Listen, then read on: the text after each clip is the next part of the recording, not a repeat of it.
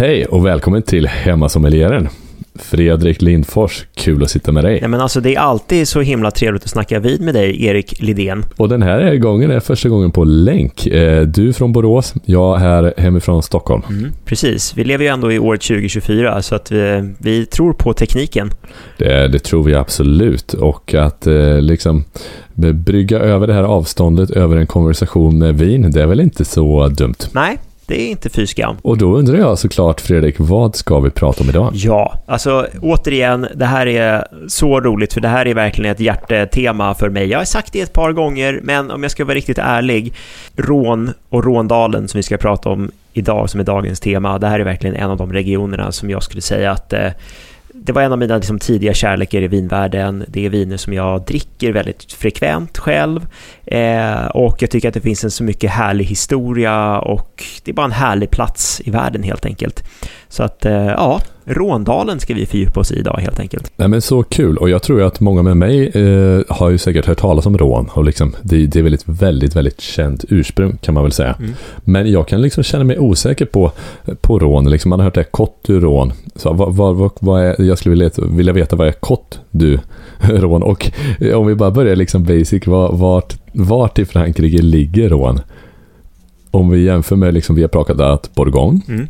Vi har um, liksom varit där och nosat på eh, champagne. Men eh, Rån då tänker jag är mer söderut, eller? Ja, men det stämmer bra. Eh, så egentligen om du tänker att, vi har ju pratat om Bourgogne tidigare som du säger, så det hittar du ju liksom i östra centrala delen utav eh, Frankrike skulle man kunna säga. Och eh, precis där, där ehm, Bourgogne slutar, om man räknar med Beaujolais till, till Bourgogne också. Så precis söder om det så kommer ju staden Lyon. Och precis söder om Lyon så börjar Rhône.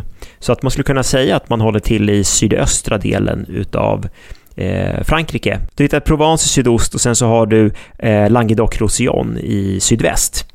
Så att eh, Rhône är lite inkilat mellan de här olika regionerna då, skulle man kunna säga. Ja, men jag känner att vi börjar fylla vår Frankrike vinregions-Tetris här successivt. Eh, en dag så kommer vi väl ha gått igenom dem alla och då kanske vi bara kan börja om i Bourgogne igen.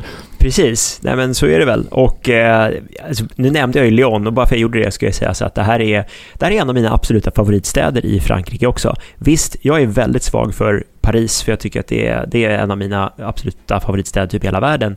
Men Lyon är en sån här stad som jag älskar att åka till Eh, av den enkla anledningen att det finns typ ingenting att göra i Lyon förutom att äta mat och dricka vin. det, är liksom, det, ja, det låter ju som det passar en gourmet. Ja, men det är ju det. Det är väldigt oturistigt egentligen. Det är inte så mycket vackra sevärdheter. Alltså det är en fin, väldigt fransk stad skulle jag säga, men den ligger så... Det här är liksom hjärtat av franska gastronomin. Du har ju liksom den här stora berömda kocken Paul Bocuse härifrån och mycket av liksom det, det traditionella franska bistromaten och det här är ju liksom ifrån Lyon och Lyon är liksom navet, ska man säga, i, i den franska gastronomin. Så att det osar ju verkligen mat och vin och dryck och allting när man är, eh, när man är runt i Lyon, vilket är helt fantastiskt. Och så har du ju Bourgogne upp norrut och du, är, du har nära till Jura, åt, liksom, åt Alperna och det östra hållet. Och sen rakt söderut så har du ju liksom Råndalen. Så att det ligger ju så himla strategiskt till också utifrån de här olika vinregionerna. Och det har ju också liksom visat sig i, i både vinet och i maten och den, liksom, ja, men den gastronomin som har vuxit fram helt enkelt. Så att det här är ju verkligen en helt fantastisk del utav Frankrike som jag verkligen tycker att man ska besöka. Ja, men eh, det, jag blir ju super, eh, superinspirerad bara att höra det. Med tanke på location. Men vad är det du tycker är så himla speciellt med rånviner då? Och är rån all about red? Ja, eh, vad är det som är det speciellt med rån? Det, det är en bra fråga, men, men personligen så tycker jag liksom någonstans det som, är, det som gör det för mig, det är att det finns du hittar jättebra viner, alltså value for money, precis som du var inne på också, cotteroner. Alltså enkla cotteronviner som kostar liksom under 150 spänn, så att du kan betala 120-130 kronor och sådär. Alltså du kan dricka riktigt bra röda viner som passar till det mesta. Alltså så här, väldigt bra allround-viner som är alltså tillgängliga för de som är kanske lite sådär instegsvindrickare men även de som vill dricka okomplicerade liksom, röda viner som, ja, men, som jag då, som ändå uppskattar liksom, alla typer av viner, kommer alltid tillbaka till rån och tycker alltid de här vinerna är superintressanta. Och sen har du liksom hela skalan upp till verkligen toppviner, alltså vi pratar typ Cotroti, Hermitage, Saint-Joseph, Chateauneuf du Pape, de ursprungen hittar du i, i Rån också. Så att, Chateauneuf du Pape, det tror jag svensken har viss koll på. Varför har det blivit så himla känt? Ja, Nej, men det har väl eh, många anledningar. Och det finns väl... Och för jag fråga då, är Chateauneuf du Pape, är det en region eller är det ett, spe, ett speciellt slott eller vingård? Mm. För jag, jag tycker man ser det så här Chateauneuf du Pape, men det är väl flera olika vinproducenter? Så är det ju. Det är ju ett, eh, alltså ett geografiskt avgränsat vinområde, en, en appellation, ett AOC så att säga, eh, som ligger i södra Råndalen som är på drygt 3200 hektar. Men jag tänker att jag har eh, mycket att sy ihop i den här säcken att prata lite grann om. Och jag, jag tänker att vi kan väl... Ja, det är jag som är så ivrig för att det är kul. Men ja, faktiskt, jag tror att du brukar ha en bra struktur, Fredrik. Kör! Tack! Ja, men jag tror att vi ska ta lite så bakgrund och historia och ge lite en anledning till varför, varför rån är så intressant och varför det finns då så stor mångfald. Och, och Chateauneuf har ju som fantastisk historia, eh, bara den regionen också. Så att, eh, jag tänker vi kör igång. Nu snackar vi bakgrund här då. Take it away. Jo, men vin har ju producerats i Råndalen sedan 600-talet före Kristus. Så att det här är liksom inga new kids, utan de har ju varit med. Och då var det de gamla grekerna som planterade de första rankerna och grundade den här staden som de kallar för Massalia, som sedan kom att kallas för Marseille. Den ligger ju liksom lite längre sydväst, men det här är ändå liksom deras eh, liksom centrum, så att säga, för, för vin, vinodling. Och sen runt tiden kring Kristi födelse, då kommer romarna till regionen och de sprider rankorna och etablerar ytterligare områden och tar sig bland annat upp till de norra delarna kring Vienne och planterar det som idag är Cotroti. Så de tar sig liksom hela vägen upp dalgången längs Rånfloden och planterar vingårdarna här hela vägen upp till Cotroti som är liksom den norra utpunkten i Råndalen. Och nära Lyon. Precis, så det är egentligen nästan som en förort till Lyon skulle man kunna säga. Det ligger ganska nära. Men när romarna sen lämnar Rån så faller vinet lite i glömska och det kommer ta drygt tusen år innan det börjar hända saker i regionen igen. Håll i dig nu Erik, för nu kommer det lite Chateauneuf-historia här också. Men 1309, då bestämde sig den dåvarande franska påven Clement V att lämna Rom och istället residera i sitt hemland Frankrike. Oj. Ja, och man kan ju undra lite grann hur den här liksom flytten togs emot. Alltså att lämna Rom och lämna Vatikanen och istället liksom säga så här, nej men vi, vet vad, vi flyttar till Frankrike istället. Ja, det är inte helt... Nej, det är inte en lätt flytt, det är en lång flytt. Jag har gjort lite research eh, och läst liksom lite så varför, varför påven flyttade. Och tydligen på den här tiden så var påvens säkerhet eh, var lite utsatt och adeln i Rom var attackerad av, av en milisstyrka. Så att det här var liksom en, av, av den anledningen som påven faktiskt valde att eh, flytta ifrån Rom. Och i vilket fall så flyttar då Clement V till Avignon och som så många andra gånger i historien så spelar ju kyrkan en viktig roll i vinproduktionen. Och det här blir grunden för skapandet av vinregionen som ligger utanför Avignon som kommer att kallas för påvens nya slott. Chateauneuf du Pape. Ah, där har vi en fin förklaring. Exakt. Så det är ju liksom, det här är ju starten till claim of fame för Chateauneuf du Pape. Och sen så bara, om man, om man tar då Pove Clement V, bara en liten parentes också, med tanke på att jag nämnde att han var fransman. Han var, innan han blev påve, så var han ärkebiskop i Bordeaux och, och eh, fick på den tiden då ett eh, vin uppkallat efter sig. Ett vin som heter Chateau Pape Clément, som är ifrån eh, 1300-talet då, då. Alltså själva Bordeaux-egendomen är från 1300-talet och det är det äldsta i Bordeaux som fortfarande finns kvar idag. Wow. Det, och det, det här är ett superbra vin dessutom. Du har påvin Chateauneuf du Pape, men så kan du också i Bordeaux dricka ett eh, ärkebiskopsvin kanske man skulle säga, även om det heter Chateau Pape Clément. En liten parentes. Häftigt. Eller hur? Det är lite coolt. Ja, älskar parenteser. Men åter till eh, påven och eh, Chateauneuf du Pape och Avignon då. Och då var det nämligen så att i, i hela 67 år så residerade sju stycken påvar i Avignon och samtliga var franska påvar innan de flyttade tillbaka till Vatikanen igen. Och sen för att få in en, ännu lite mer historia runt just Chateauneuf de Pape då, så snabbspolar vi fram till 1930-talet. Då kommer vi till en herre som heter eh, Baron Leroy. Och han var jurist och stridspilot under första världskriget och ägde också ett eh, vinslott i Chateauneuf de Pape. Och han var en väldigt karismatisk och eh, vältalig herre. Så han lyckades ena vinodlarna Eh, i ett syndikat under 30-talet. Och eh, det här, han har liksom grunden för att vad som skulle komma bli Frankrikes första appellation, alltså appellation contrôlée eh, som då är ett ursprungsskyddat område där man reglerar till exempel vilka druvsorter man får använda sig av, vilka skördeuttag och lite grann som kvalitetsnivå så att säga, där, där appellation contrôlée är, den högsta nivån i det här kvalitets systemet. Eh, och fransmännen har alltid varit väldigt duktiga på att liksom premiera kvalitet eh, och liksom se till att vinerna får ett rykte för det och att man sen kan ta betalt för dem.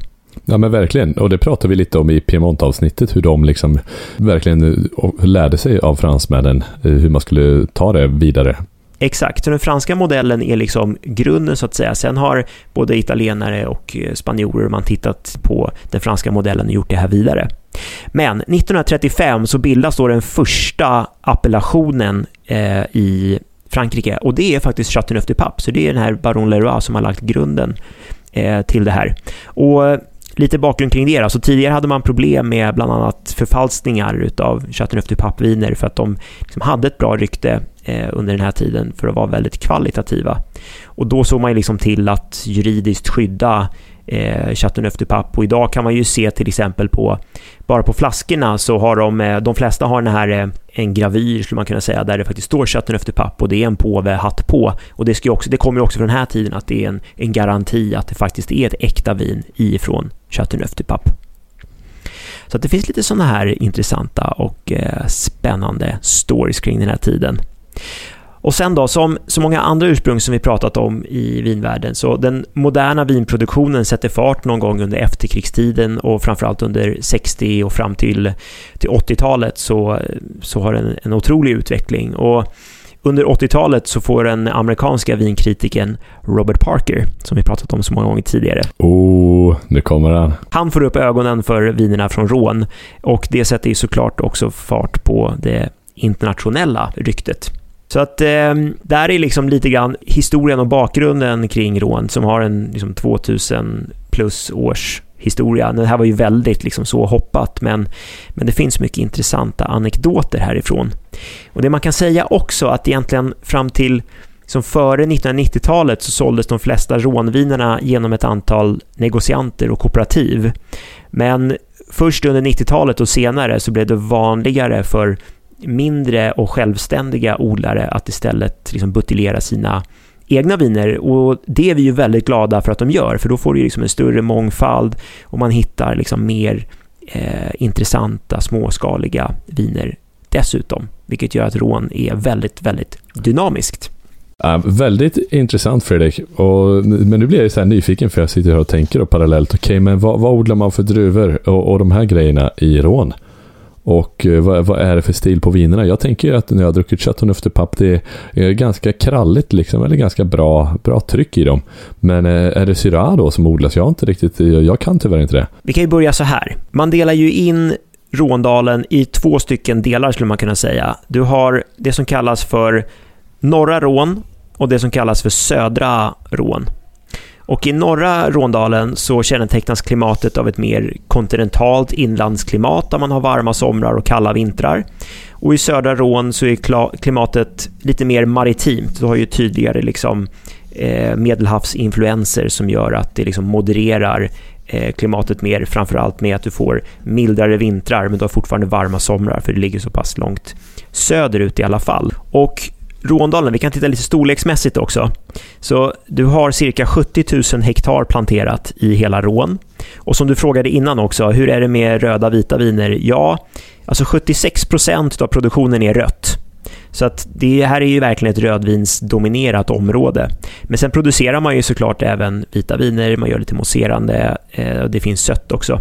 Men liksom det är röda viner som är kung härifrån skulle man kunna säga och drygt hälften av vinerna som produceras går under den generiska appellationen Cotteron.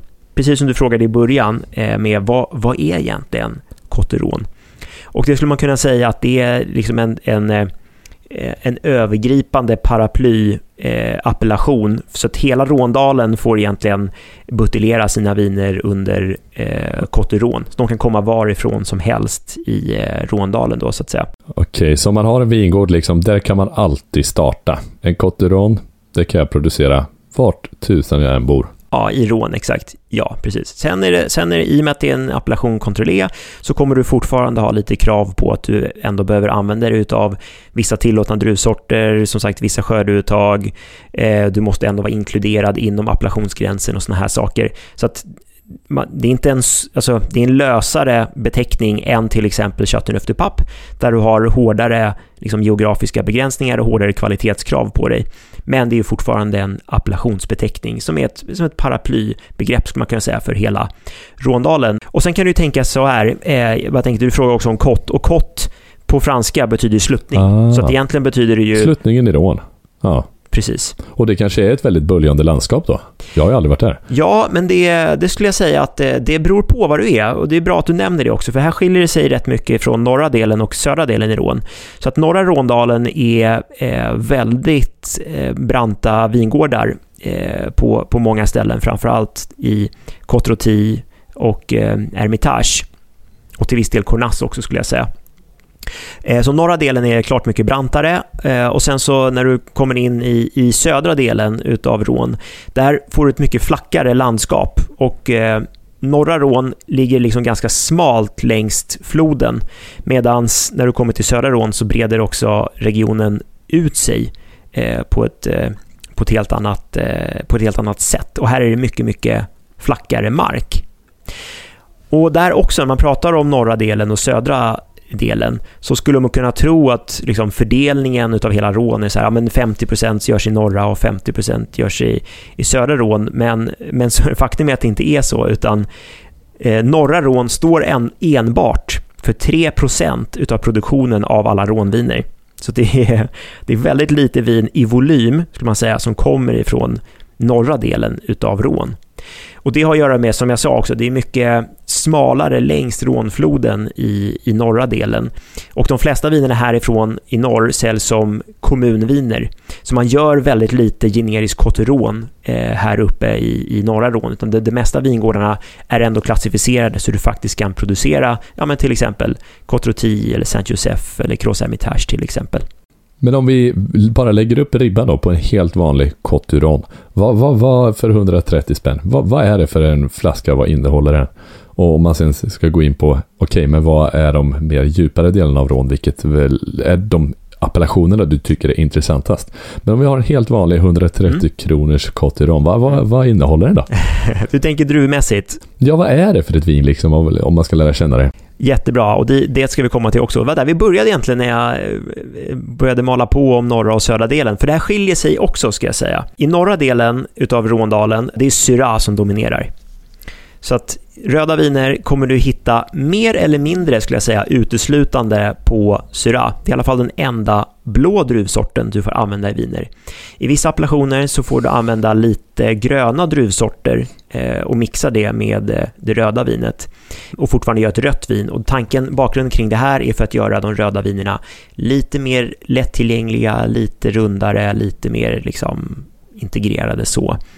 Eh, men, och det används ibland, men oftast till en ganska liten utsträckning om att man har gröna druvsorter i. Så att det man behöver komma ihåg från norra Rån, det är röda viner på Syrah. Sen görs det lite vitt också på till exempel druvsorter som Marsanne och eh, Rosanne. Och sen så kommer du till södra delen och, och liksom där bulken av det du hittar utav det som är Cotteron också. Då är det Grenache som dominerar vinerna. Aha. Och sen så, eh, här bländar du ofta eh, olika druvsorter. Så att Grenache brukar vara dominerande partner tillsammans med Syrah och Mourvèdre. Och sen finns det ett gäng antal druvsorter till som man eh, använder sig utav för att producera viner på. Och det kan vi ta när vi, om vi ändå är inne och nosar lite grann på Chateauneuf du Pape.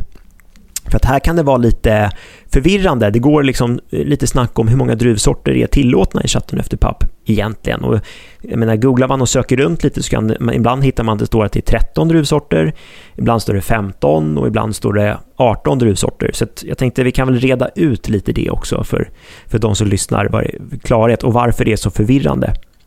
Eh, och anledningen till det här att eh, ursprungligen när man bildade appellationen för Chateauneuf du Pape så var det 13 druvsorter som var tillåtna.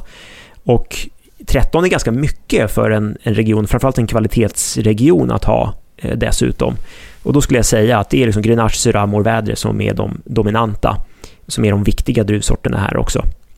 Eh, och sen såklart så gör man ju lite vita eh, viner också och då hittar man kanske framförallt då Grenache Blanc.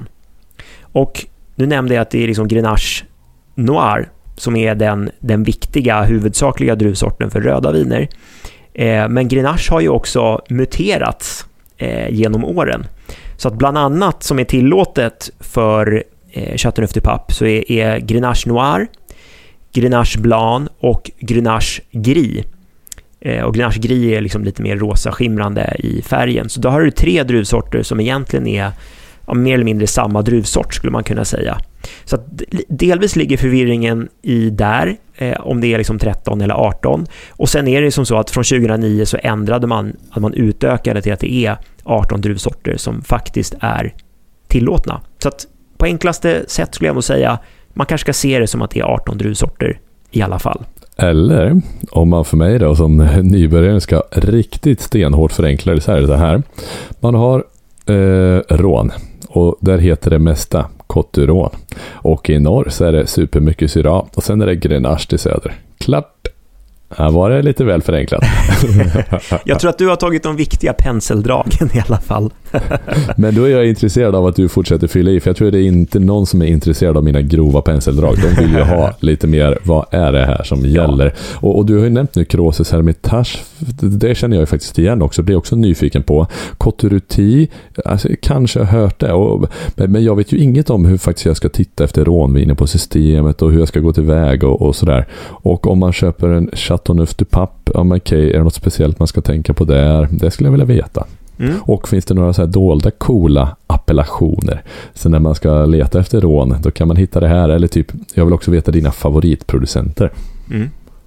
Bra, mycket frågor i... Men är det för tidigt in i avsnittet för att ställa så här Nej, många men frågor? Det kan, vi väl, eh, det kan vi väl köra. Vi kan väl eh, nosa och snacka lite om det här då.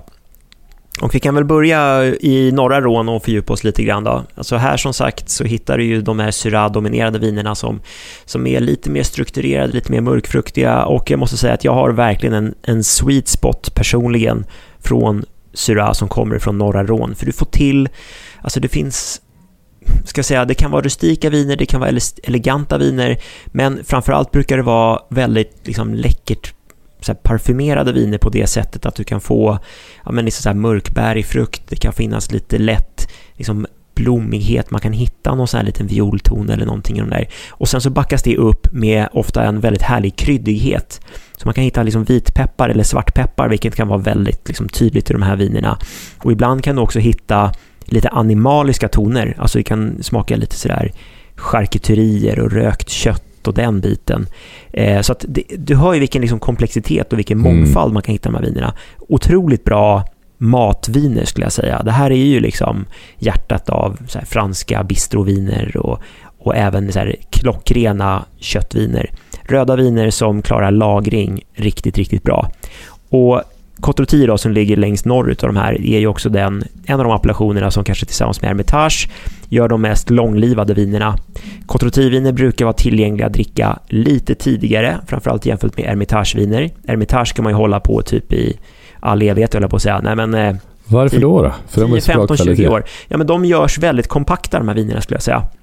De är ganska tajta och lite sådär ogina i början när de är nysläppta. Så att de behöver oftast lite ålder för att liksom integreras mer och, och, ja, men, och, och mjukna upp lite grann, skulle jag kunna säga. Sen är det klart, det, det finns ju skillnader här också. Eh, den traditionella stilen av Hermitage har verkligen liksom behövt tid på sig eh, innan den liksom har kommit runt och liksom visar sig från sin bästa sida. Um, och då är, då är, det är lite så här, man skulle kunna göra en jämförelse mellan så Barolo och Barbaresco. Då skulle jag säga att Hermitage är lite mer Barolo och Cotroti är lite mer Barbaresco. Om man, om man lite tillgängligare, lite snabbare liksom. Ja, men exakt. För den saken skulle inte vara okomplexa. Nej. Men det, det, visar sig snabbare liksom. Ja, precis. Och sen är det här, det ska jag säga också, det här är ganska små appellationer. Cotroti ligger på 330 hektar. Det är inte Åh, enormt, herregud, det är inte det är enormt ingenting. stort. Nej, så att det, det är inte så konstigt att de här vinerna kommer vara ganska dyra när man, när man stöter på dem. Eh, men de är väl värda att söka ut och här är det riktigt, riktigt branta eh, vingårdar. Och här har ju liksom, om vi ska namedroppa en producent så ska man säga att det är ju Gigal, eh, som ändå är rätt stora från Råndalen, har ju sitt hemmasäte i Kotroti och kommer härifrån ursprungligen och har varit väldigt bidragande till att sätta hela det här ursprunget på eh, kartan. Men, Och- men förlåt, när du säger Gigal, är det det här E-Egual man ser, kan se på systemet Mm. liksom? Exakt. Och som finns... Okej. Ja, precis. Det är de. Och de gör ju viner i, i alla nivåer. Alltså från enkel Cotteron och sen så gör de ju liksom många appellationer både i södra och i norra. Eh, Men Cotroti är deras liksom hemmasäte. Och här gör de några av deras absoluta toppviner också. Som kallas för La La La-viner. Eh, La Landon, La Turc och eh, La Moline. Och det är de här tre vinerna som eh, Robert Parker framför allt har förälskat sig i och det är de vinerna som har fått flest 100 poäng av alla viner i eh, historien utav Robert Parkers vinbedömning. Oj, oj, oj. Det var Så- inga små ord med tanke på hur mycket han gillar Napa också. Ja, exakt. Så det Gillar du säger dem? Ju, jag älskar de här vinerna, men det är samma sak där. De kräver tid på sig eh, och de är relativt dyra, tyvärr. Det är ingenting man drar på en CSN studie, eh, om man lever på studielån och såna här saker, utan det är, ja, det är, en, det är en egen liga, men det är fantastiskt att få kunna dricka dem i alla fall. Eh, Så Cotroti, det är väl värda viner att söka upp. Sen nämner jag ju Hermitage också, eh, som är verkligen det, kanske det traditionella ursprunget i norra Rån, som eh, har skapat ett väldigt starkt rykte ifrån sig. Och jag måste bara säga det, för det finns en, en fantastisk historia bakom Hermitage och varför just det heter Hermitage. Och eh, området fick sitt, eller området, det är en, det är en kulle egentligen, som heter Hermitagekullen.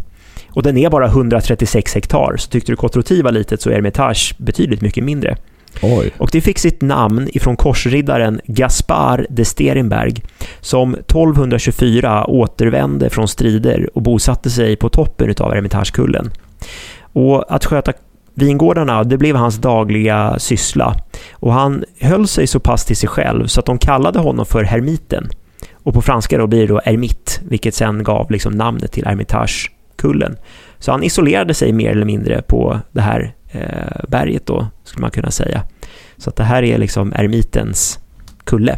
Ah, och jag tog faktiskt upp en karta på Rå nu, vilket jag verkligen skulle kunna rekommendera att göra när ni lyssnar på det här avsnittet. Vad häftigt att se de här småregionerna i norr som liksom ligger klistrade längs floden. Och där intryckt liksom verkligen eh, finns det här Hermitage. Och så är det omringat av Kråses Hermitage. Det är alltså en utökning liksom. Precis, bra Erik, för eh, väldigt pedagogiskt att du kom dit, för det dit jag tänkte komma till också. Och då kan man ju tänka sig att då har du ju Ermitage som är liksom eh, epicentrum, som är den här liksom kullen då så att säga. Men sen har du ju liksom vingårdar som ligger runt omkring den här kullen. Och där ligger Krås Hermitage. Och jag har liksom alltid i mitt sinne tänkt så här, om om jag ska tänka att vi har Hermitage som är i mitten, tänker jag att Krås är som kring, alltså vi skulle kunna säga kring på svenska, Mm. det är så som jag tänker i mitt huvud i alla fall. Krås Hermitage ligger kring Hermitage. Ja, kring, kring eremiten. Ja, liksom. exakt. Yes. Och Krås Hermitage är en mycket större appellation, det är mycket flackare, så att här får du inte den här liksom branta vingårdarna på samma sätt. Och det är ungefär 2000 hektar, så Krås Hermitage är betydligt mycket större. De här vinerna är mycket mer lättillgängliga att dricka unga. Eh, och eh, de ligger i en helt annan prisklass också än vad vinerna gör. För hermitageviner kan, kan kosta minst lika mycket som Cotrotier gör. Eh, men Cross Hermitage ligger i ett, ett mycket enklare prisläge. Här kan du hitta vin runt eh, strax under 200 kronor i alla fall skulle jag säga att du kan hitta bra eh, Cross Hermitage för. Kul, men det är en region du tycker man ska köpa på sig lite vin från och då antar jag om man ska ta det enkelt. Ska du lagra det länge, ja men då kanske du inte köper en 130 kronors Crosses Hermitage utan då ska du upp på lite lite dyrare viner för att veta att det är bra kvalitet. Men Hermitage-viner, då har du automatiskt betalat så pass mycket att det är bara att lägga och lagra. Ja, alltså Hermitage och Cotroti, det, det håller du för det långa loppet. Cross Hermitage, det är det du dricker medan du väntar på att din Cotroti och Hermitage ska mogna. Oh, men du, det där var väl en bra setup? Mm. Det tycker jag. Nej, men Den tar vi till det, oss. så, så gör jag i alla fall personligen ska jag säga. Sen finns det två andra ursprung som jag vill ge en shout till i, i norra Rån också och den första är Saint Joseph. Och, som ligger på andra sidan floden? På västra banken, precis, så ligger Saint Josef och den sträcker sig som en tunga liksom, som går eh, lite mer liksom, avlångt, så skulle man kunna säga. Och det är en appellation som är på ja, men drygt 1350 hektar, så att den är ändå mm. relativt stor. Men här hittar man så en hel del bra, coola små producenter. Du kan hitta bra eh, värde för pengarna. Det blir en sorts mellanläge mellan Cross Hermitage och Hermitage. Det är viner som är goda att dricka unga, man kan hålla lite grann på dem eh, och som sagt, du hittar lite coola, fräcka eh, producenter härifrån. Så att Saint Joseph ska man verkligen kolla upp om man gillar stilen av Norra Rån. Eh, det är en, en hjärteappellation för, för mig, ska jag, ska jag verkligen säga. Och sen sist också så finns det liksom längst ner i, i norra Rån så finns det samma sak där. Det är också egentligen en sluttning som heter Cornas. Eh, som är på strax under 100... Superlitet. Superlitet, strax under 160 hektar. Så det är fortfarande större än Hermitage, men det är, det är litet alltså. Eh, men här blir det kanske, de här vinerna kan också vara ibland lite rustika, eh, men den har en, ändå en bra liksom, sydexponering den här sluttningen, så att det kan ändå bli ganska ja, men, intensiva, mörka, täta viner, eh, skulle jag säga, med rätt mycket tannin och rätt mycket bett i de här vinerna. Eh, så att det, Cornas är också otroligt gott eh, att dricka och söka upp. Och lite som Saint Joseph skulle jag säga, eh, det är ett mellanläge, men kornasserna skulle jag nog säga att man håller kanske på dem lite längre. Det är nog ännu mer liksom lagringsdugliga eh, viner. Men väldigt häftiga. Nice, och jag måste nästan bara pausa och tipsa folk om, för jag tog upp den här vinkartan på vineyards.com slash winemap och så finns det Frankrike och så Rhone Valley. Det är klockrent när Fredrik går igenom det här, för det är en otroligt bra karta alltså. Nästan vi får länka den på Instagram, eh, om man nu liksom sitter och lyssnar på det här och har typ tillgång till en iPad eller dator eller kanske sin mobil eh, och titta live. Jag tycker i alla fall eh, verkligen det förstärker känslan för vart man är när du pratar. Toppen! Mm. Mm. Ja, men bra, eh, bra att använda alltså ett pedagogiskt eh, verktyg, absolut. Och sen då kan man ju säga, nu har vi ju lämnat Norra Rån, så då glider vi in i, i eh, södra Råndalen och jag tänker om du får upp en karta här så ser man ju väldigt många olika typer av ursprung och vi behöver ju liksom inte fokusera på allt utan stilarna mm. man gör är ju liksom väldigt snarlika varandra skulle man kunna säga. Ja men så man ser också hur det verkligen breder ut sig men då skulle jag vilja ja. fråga dig som har rest där kommer du åkande liksom från Lyon ner längs dalen och sen hur är känslan liksom när, det, när man lämnar då de här kullarna och det breder ut sig blir det mer opersonligt eller finns det fortfarande liksom väldigt härliga ställen att åka till eller hur, hur är det liksom? Ja men här finns det jättehärliga ställen att åka till alltså jag har väldigt varma rekommendationer Chateauneuf du Pape det är jättehärligt att eh, eh, åka runt omkring och det är väldigt unikt och vackert och speciellt. Eh, och det kommer jag till lite mer om en liten stund. Och så här. Men, men det är också värt att åka till de här andra små byarna. Alltså Gigondas till exempel är, är väldigt, väldigt eh, vackert Eh, att besöka. Eh, och finns lite coola så här, det är väldigt litet, men det finns lite, så här, lite coola restauranger, lite coola vinbarer eh, mitt i den här lilla byn som är så här, ja men jättehärligt att, att, att göra. Men det är ett annat landskap, som sagt, det är ju mycket flackare eh, när du är i södra Rån eh, mot, mot norra. Så att, men men eh, återigen, varm rekommendation, res hit, gör både norra, gör södra, känn, se och upplev skillnaden emellan dem. Eh, så att det är, ja, men det är väldigt häftigt. Men vi har ju pratat lite grann om Cotteron som det här stora paraplybegreppet så att säga, men nu, nu kanske vi tänker att det är liksom stilen, det här med eh, viner som är grenachebaserade med lite syra och morvädre, alltså eh, runda, kryddiga, eh, medelfylliga viner, det är liksom kärnan som man hittar i mycket av det här. Sen om vi ska koka ner det här lite grann, varför vissa kommuner blir lite mer speciella, och vi kan ta Chateauneuf du Pape till exempel.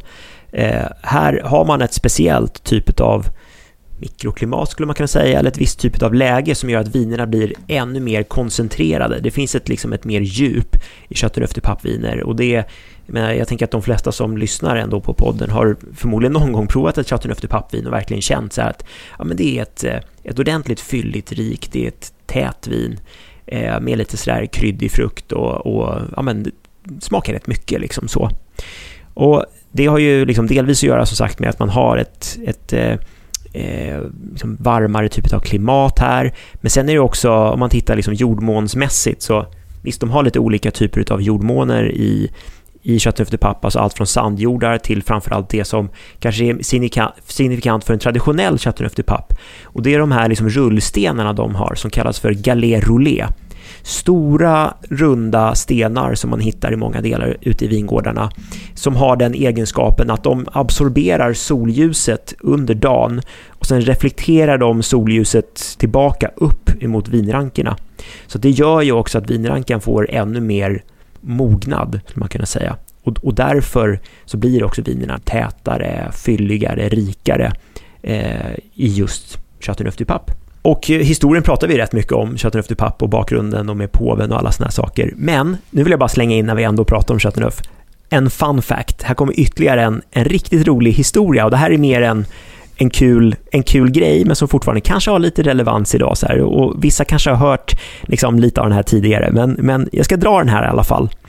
Och 1954 så gjorde Chateauneuf du Pape något av en PR-kupp skulle man kunna säga. Det gick rykten lokalt här om att man sett flygande tefat runt i området och de påstod att utomjordingar var intresserade av vinerna från Chateauneuf du Pape. Alltså det här är så himla roligt, det känns som att det är så far out there. Uh, och man kan ju undra lite så här hur de här ryktena startade, men, men jag kan tänka mig att det var ganska mycket snack om utomjordingar överlag vid den här tiden, för att det här är ungefär samtidigt som det här mystiska Area 51 i USA etableras och sådär, så att under 50-talet här, ja, överlag så snackades säkert en del om, om eh, utomjordingar. Och I vilket fall, politikerna såg i alla fall det här som ett lysande tillfälle att promota sin region och de skrev till ett stycke i vinlagen som förbjöd flygande tefat från att vistas i deras luftrum och att landa i deras territorium. Alltså det här är en så otroligt underbar, knasig grej. Eh, och det här blev liksom, det är inskrivet i lagen och det står fortfarande kvar i Chateauneuf efter Papes eh, appellationslag än idag. Och faktum är... Bra PR. Ja, men det är så kul. Och faktum är att den amerikanska vinmakaren Randall Graham, han tyckte att eh, det här var en sån rolig grej. Så han gjorde det på sitt egna vineri som heter Bonnie Doon. Så gjorde han ett eget vin som är uppkallat efter det här fenomenet. Så det vinet heter Le Cigar Volant och det betyder då eh, flygande tefat på franska. Och på den här etiketten så är det ett UFO som är eh, avbildat som liksom skjuter någon sorts stråle över en vingård. Och sen står det dessutom Red Wine of the Earth på etiketten. Eh, är det ett vin du har druckit? Ja, Ja, det är jättegott vin eh, som jag tycker man kan, jag ska rekommendera att man kan söka upp och, och dricka det också. Jag tror att de har nog ändrat etiketten, den ser inte riktigt likadan ut idag. Jag tror att de har fått lite påar ifrån just Chateauneuf de Pape, att man får säkert inte driva med dem på det, på det sättet. Mm. Men det är väldigt kul Men det är lite kul att få tag på en vintage sån. Det lär ju säkert ja. vara lite nästan samlarkultobjekt. Exakt. Och han, jag tror första årgången gjorde de 80 eh, 83 eller 84, någon gång tidigt eh, mitten 80-tal eh, så gjordes i alla fall eh, det här vinet Cigar Volant och det kommer till Sverige och det finns eh, tillgängligt att kunna köpa eh, här också. Men jag tycker hela den här historien med Chateauneuf du Pape och de här flygande tefaten är så otroligt roligt att de faktiskt skrev in det i sin lagstiftning också. Så att det är någon sån här, eh, finns någon sorts underbyggd humor i det där i alla fall. Sen finns det ju också, nu har vi pratat om chatten efter papp, men det finns eh, framförallt två andra appellationer som jag ändå vill ge ett omnämnande när vi ändå är nere i södra Rån och pratar. Och eh, den första är Gigondas, eh, som är ytterligare en, en, eh, en kommun som blivit upplyft ifrån eh, Cotteron Village till att få en egen liksom, kommunbeteckning, precis som chatten efter papp har. Eh, och det här är en appellation som ger inte riktigt lika intensiva eh, viner som Chateauneuf du Pape blir. Men de är lite lättare men, och kan få lite mer liksom, kryddighet i sig.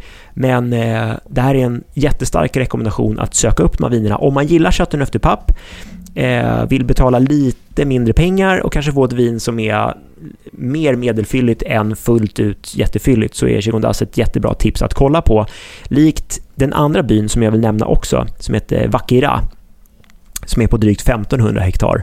Som också är, alltså det anses som, man skulle säga att Chateauneuf är liksom storebror, eh, Chigondas är någon sorts lillebror och Vakira blir, alltså, ja, lillebror till, eller minsta barnet liksom någonstans skulle man kunna säga här också. Men eh, väldigt kul viner att söka upp när man vill ha liksom någonting som ändå faller in stilistiskt, men som ändå är någonting lite annorlunda skulle jag säga. Och Erik, du nämnde också tidigare, om man ska prata om några producenter. Ja, du är alltid bra på att lyfta lite producenter och det känns som du som vinproffs, eller ni tänker alltid lite producent. Så, så lite liksom vilka producenter du runt omkring här då är, är extra intresserad av vore nog ganska kul att höra om.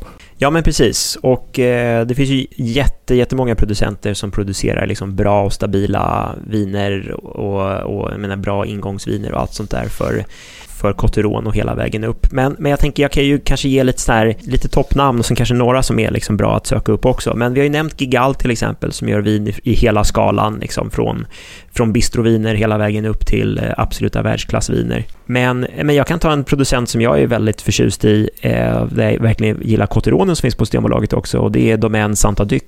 Och de har ju till i Gigondas och gör jättegod Gigondas också, men gör en Cotteron som är otroligt bra. Och sen finns det ju andra bra producent som, både, som håller till i Chateauneuf-du-Pape, men som också är Cotteron. Montredon till exempel. Eh, du har Delas i norra Rån eh, som gör bra Cross som finns på bolaget. De gör också riktigt bra Cotteron, väldigt, väldigt prisvärd eh, Cotteron skulle jag säga. Sen finns det några sådana här stora namn eh, som, som man kan, som jag tror att många letar efter, som verkligen är ute efter ikoniska viner. Och då har du till exempel i Hermitage har du Jean-Louis Chave som har producerat vin sedan eh, slutet av 1400-talet.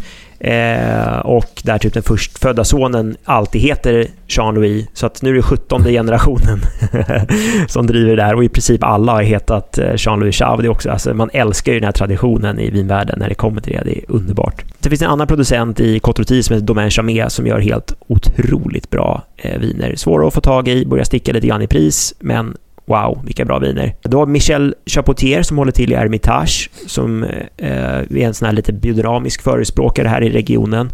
Gör jättehäftiga viner i eh, mycket i norra Rån och lite grann i södra Rån i Chateauneuf-du-Pape där också. Tycker jag verkligen är väl värda viner att eh, söka ut. Sen har du Paul Chabolet som är en sån eh, jättetraditionell producent, framförallt i Hermitage, men gör eh, bra Cotteron, bra instegsvin också.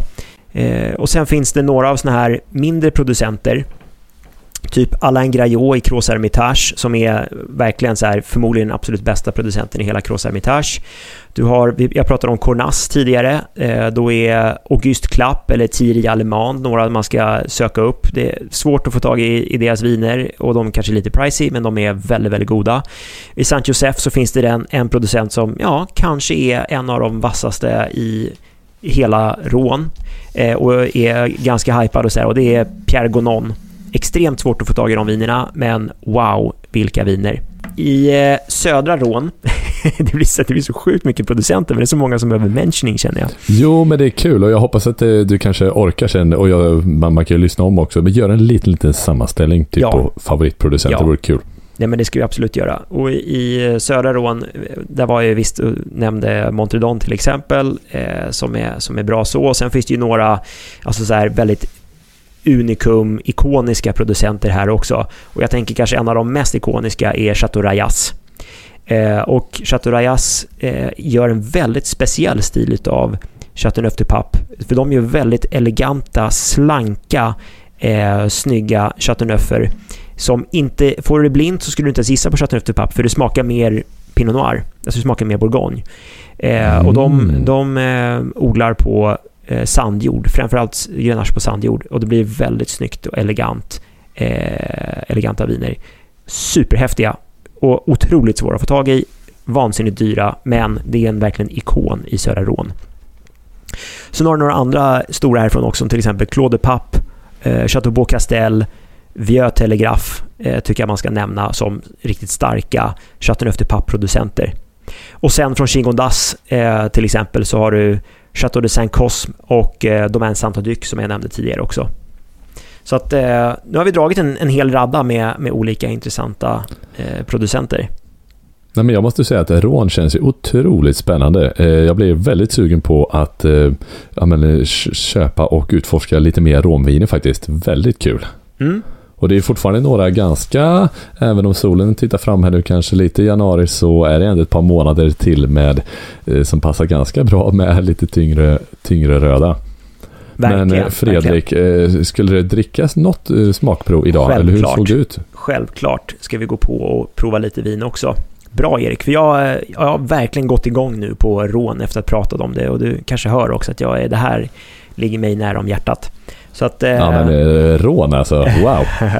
Nej, men i vanlig ordning så har vi två viner och eh, tänker vi häller på första vinet här. Tänker jag på någon sorts eh, pedagogisk grej här i vanlig ordning också. Vi börjar i, i norra Rån. Eh, och eh, det här är ett vin som kommer från Cross Hermitage som heter Lelon ifrån producenten eh, Delas. Så att här är det Syrah i sin renaste form som får visa upp sig och det är ett vin som får riktigt härlig, liksom mörk eh, färg. Man ser det, mörk, fin och eh, riktigt tät. Och sen doftar vi lite på det här ska vi se vad vi hittar. Alltså det första som slår mig i det här vinet det är verkligen den här härliga Syrah-kryddigheten. Jag får lite den här liksom pepparregistret och det finns liksom både lite sådär vitpeppar och lite rosépeppar det här också. Och sen får man den här liksom mörkfruktig, härlig, bärig men sval, eh, elegant frukt. Och sen finns det lite sådär, ja men lite lätt animaliska toner och kanske en liten lätt liksom, kan man säga, rökighet och ja men lite fin kryddighet i det här vinet helt enkelt. Smakmässigt så är det väldigt snyggt för det är ganska, det är lite åt det här liksom slanka hållet. Tanninerna är ändå ganska mjuka, välpolerade här trots att det är liksom en Noraron Syrah, de kan vara ganska grova och rustika ibland. Eh, men de är ändå lite så här, lite bett i sig och det finns ändå lite så här härlig struktur även om det är väldigt liksom så elegant stilat skulle jag säga.